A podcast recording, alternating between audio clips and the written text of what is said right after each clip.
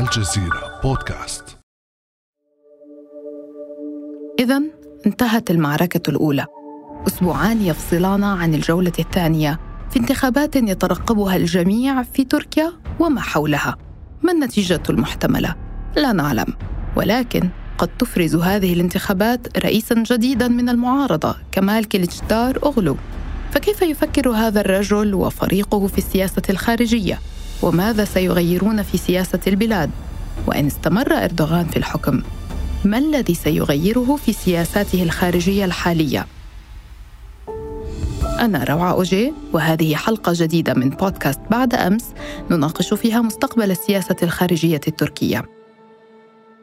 معي اليوم ضيفي محمد الأخرس الباحث في الشأن التركي أهلا وسهلا بك أستاذ محمد أهلا وسهلا بك أستاذة روعة وشكرا لكم على هذه الاستضافة ونتمنى حلقة مفيدة للجميع إن شاء الله ولمستمعي الجزيرة بودكاست. كيف الأجواء الآن بعد هذه المعركة الانتخابية الجولة الأولى الطاحنة؟ أه، حقيقة الأجواء حاليا في تركيا نوعا ما تنفست الصعداء، النتيجة التي حققها العدالة والتنمية والشفافية التي جرت فيها العملية الانتخابية أعطت مؤشرا ايجابيا للواقع السياسي وللمراقبين الخارجيين.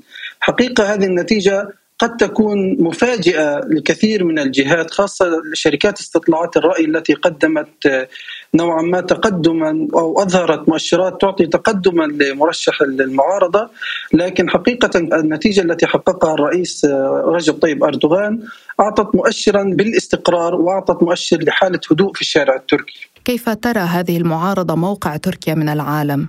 حقيقة نحن نتحدث عن حالة هجينة تجمع ما بين ستة أحزاب متباينة سياسيا وأيديولوجيا ولا يوجد لديها تاريخ سابق في العمل المشترك. وكثير من هذه الأحزاب أصلا لم تكن منخرطة في عملية صنع السياسات والقرارات داخل الدولة التركية سواء عبر فوزها في الانتخابات أو عبر تواجدها في المؤسسات الدولة بشكل حقيقي. فلذلك نحن نتحدث عن حالة هجينة اتفقت على هدف سياسي واحد وهو مرتبط بمواجهة الرئيس التركي رجب طيب أردوغان.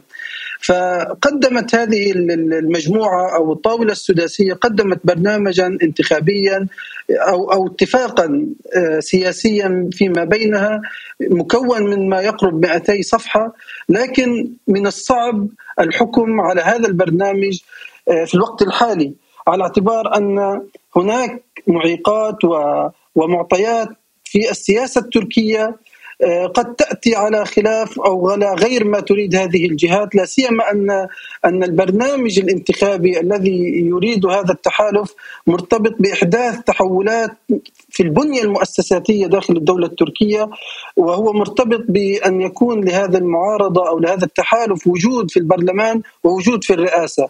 وفي المعطيات الحالية تقلصت قدرة هذا التحالف على التأثير من خلال البرلمان بشكل حقيقي وتقلص قدرته تعني عدم إمكانية تطبيقه لبعض الوعود الكبيرة إن لم يكن الوعد الأهم المرتبط بالانتقال من النظام الرئاسي إلى النظام البرلماني لكن أحيانا عندما تكون المعارك الانتخابية طاحنة لهذه الدرجة ويكون هناك صعود فعليا للمعارضة يعني وهناك إقبال شئنا أم أبينا حتى وإن لم تكن يعني مرجحة للفوز آه الآن آه هناك إقبال على خطابها.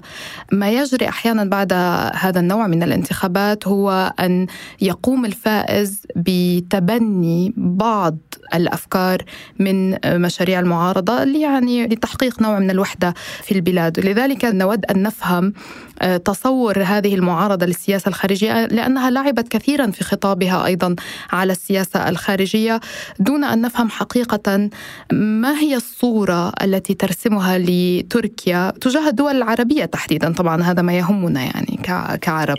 آه، بلا شك هذا السؤال مهم ومهم جدا كمتابعين للشأن التركي وخاصة كجمهور عربي متابع للشأن التركي. آه، لكن أعتقد من المهم في هذا الظرف أن نستحضر حقيقة أن تركيا بلد راسخ على مستوى المؤسسات ومستوى التجربة الديمقراطية وهناك حالة نوعا ما من التداول الديمقراطي في هذه التجربة السياسية الرائدة حقيقة في المنطقة. فلذلك في حال حدث تغير على مستوى الحزب الحاكم هذا التحول يعبر عن انتقال ديمقراطي وليس انقلاب عسكري أو شيء من التجارب السياسية التي اعتدنا عليها خلال العشر سنوات الماضية. فلذلك نحن نتحدث في حال حدث هناك تغيير فهو تغيير ضمن آلية التغيير السياسي المعروفة والتي لن تفضي برأيي الشخصي إلى فوضى أو إلى تحول غير مألوف في السياسة التركية وإن كنت أستبعد أن هذا السيناريو في الوقت الحالي لأن تركيا في النهاية لديها سياسات ومنظومات ومؤسسات تحكم سير العملية السياسية. حقيقة تقديري الشخصي أن هناك خط أساسي في السياسة التركية سيبقى على ما هو عليه.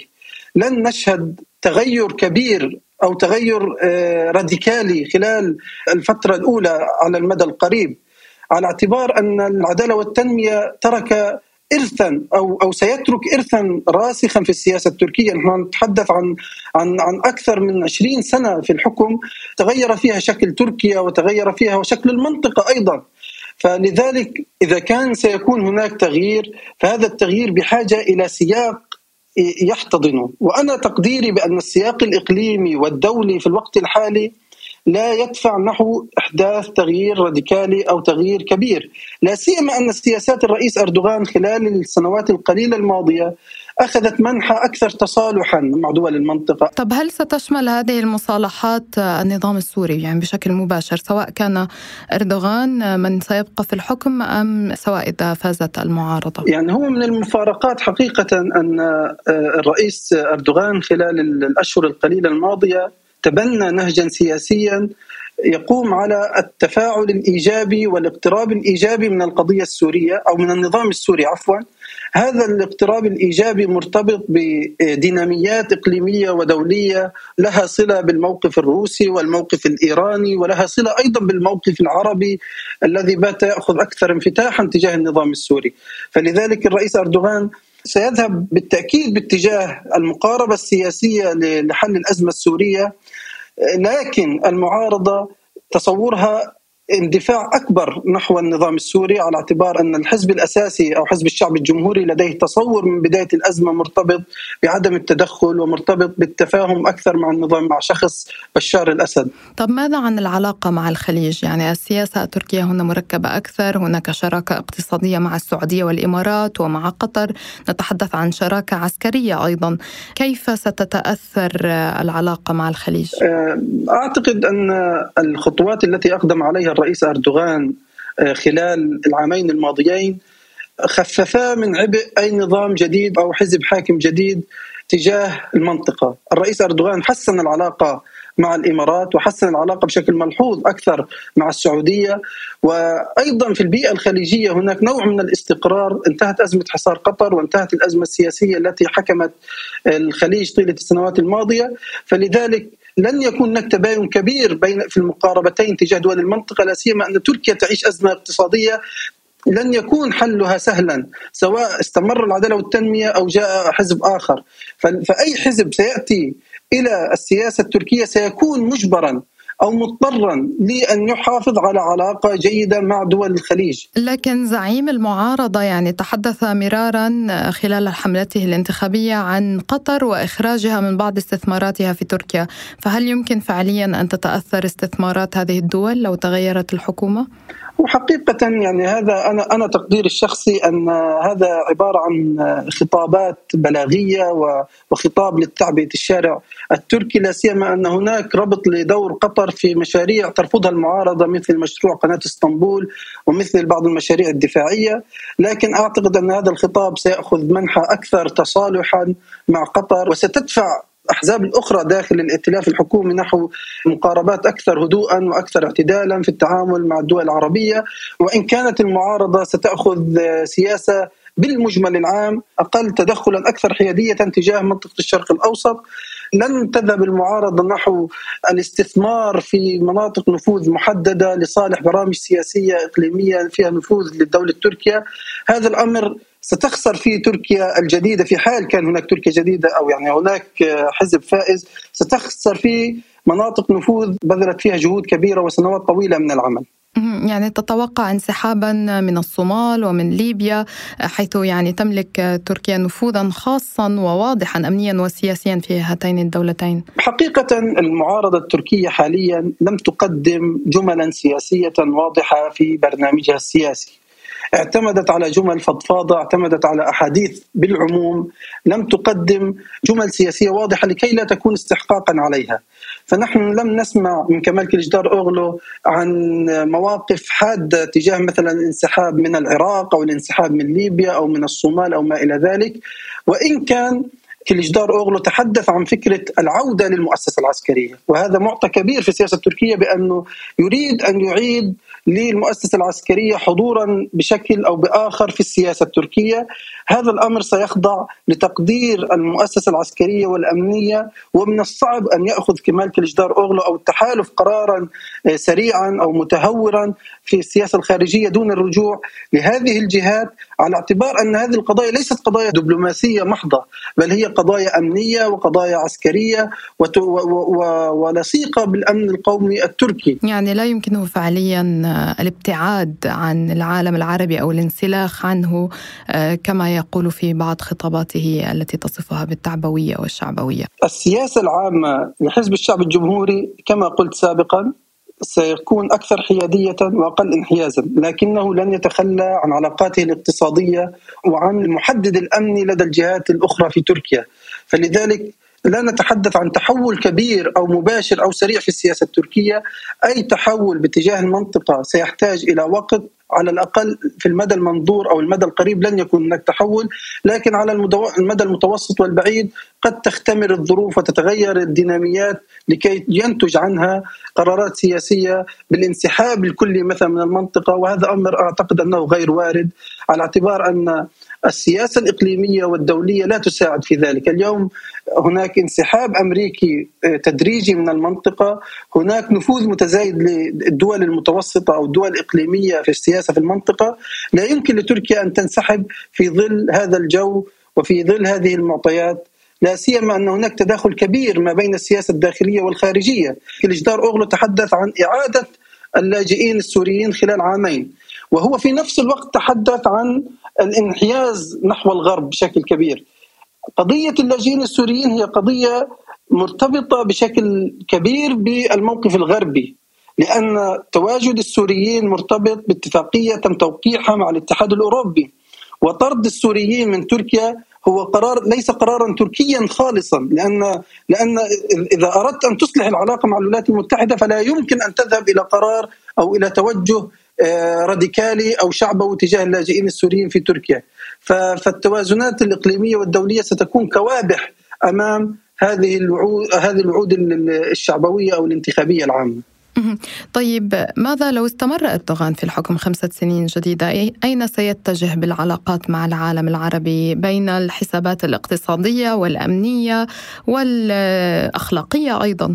حقيقة الرئيس أردوغان آه، لديه برنامج أو توجه سياسي واضح هم يتحدثوا في تركيا عن الاستراتيجيك أوتونوم أو ما نسميه الاستقلالية الاستراتيجية أو الذاتية الاستراتيجية أي أن تركيا تستطيع أن تأخذ مكانتها الجيوسياسية بين الشرق والغرب دون أن تنحاز إلى هذا المعسكر أو إلى ذاك. فلذلك العدالة والتنمية أو الرئيس أردوغان لديه تصور صلب ومتماسك تجاه دول المنطقة لنخرج من العالم العربي إلى علاقة تركيا بالعالم. ربما الملف الأهم هو الحرب الروسية الأوكرانية. أردوغان لعب دورا حساسا بين روسيا والغرب. وكيلتشتار أوغلو صرح بأنه سيأخذ تركيا أكثر نحو الناتو والغرب. ما معنى هذا الكلام يعني؟ هل سيورط آه، تركيا مع روسيا ويتخلى عن هذه المسافة التي نجح آه، أردوغان في الوقوف عندها بين الناتو وروسيا؟ والتحالف السداسي في البرنامج الانتخابي أو البرنامج أو الاتفاق الذي تم توقيعه بين الأحزاب الستة في مطلع العام الحالي تحدث بعبارات فضفاضه عن التوازن في السياسة الخارجية.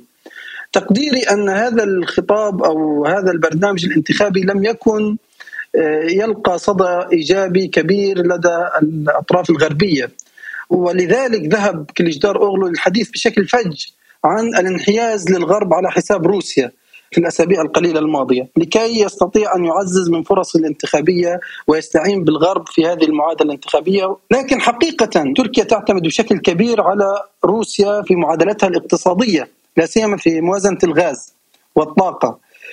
إذا كان كليجدار أوغلو المعارضة تريد أن تنتقل بتركيا وتحسن الوضع الاقتصادي فهي مجبرة على أن توازن بين الغرب والشرق مرة أخرى. يعني حتى أنا أتحدث أن في فترات كان أردوغان وحزب الأعداء والتنمية يريد أن يأخذ موقف أكثر يعني موقف ينحاز أكثر نحو الغرب في محطات معينة لكنه مثلا حينما حدثت أزمة إسقاط الطائرة الروسية تركيا بموقعها الاستراتيجي وحساباتها الكلية اضطرت لتعود لتوازن بين الأقطاب وتوازن بين القوى الدولية. وأظن أيضا أن المعارضة ستكون مضطرة لتتفاهم مع روسيا وإن كانت ستأخذ خطاب أكثر إيجابية تجاه الغرب وانحياز في قضايا محددة لصالح الدول الغربية والولايات المتحدة. طيب مع كل ما ناقشناه آه، تحدثت أنه حتى لو فازت المعارضة آه، سترتطم بالواقعية السياسية ويعني تمضي ضمن الثوابت الكبرى في الخارجية التركية، ما هي هذه الثوابت الكبرى التي من المستبعد أن تتغير مع أي حكومة جديدة؟ تركيا بحاجة إلى أن تعالج أزماتها الاقتصادية وأن توجد موازنة بين السياسة الداخلية والسياسة الخارجية. أنا أذكر مثلا كيسنجر حينما سألوه مثلا عن سألوه عن سياسة إسرائيل فقال لا يوجد لإسرائيل سياسة خارجية يوجد فقط سياسة داخلية بمعنى أن السياسة الداخلية هي المتحكمة في السياسة الخارجية. وهناك من يقول أن تركيا لا يوجد فيها سياسة داخلية بل يوجد سياسة خارجية. حقيقة هناك تداخل كبير بين الأمرين فإذا أرادت المعارضة أن تحدث مثلا تحولا كبيرا في السياسة الخارجية التركية لصالح الولايات المتحدة فهذا سيستدعي أن تقدم تنازلات كبيرة في موضوع الاقتصاد المرتبط باعتمادية تركيا على روسيا في الغاز والطاقة. كذلك مثلا المعارضة التركية تحدثت عن التوصل إلى تفاهم بشأن الانضمام إلى الاتحاد الأوروبي. وهي في الوقت ذاته تريد أن تراجع الاتفاقية المرتبطة باللاجئين التي وقعها أردوغان وهي ترفضها. فلذلك يوجد حالة من اللا يقين أو حالة من عدم الوضوح في البرنامج السياسي الذي تقدمه المعارضة.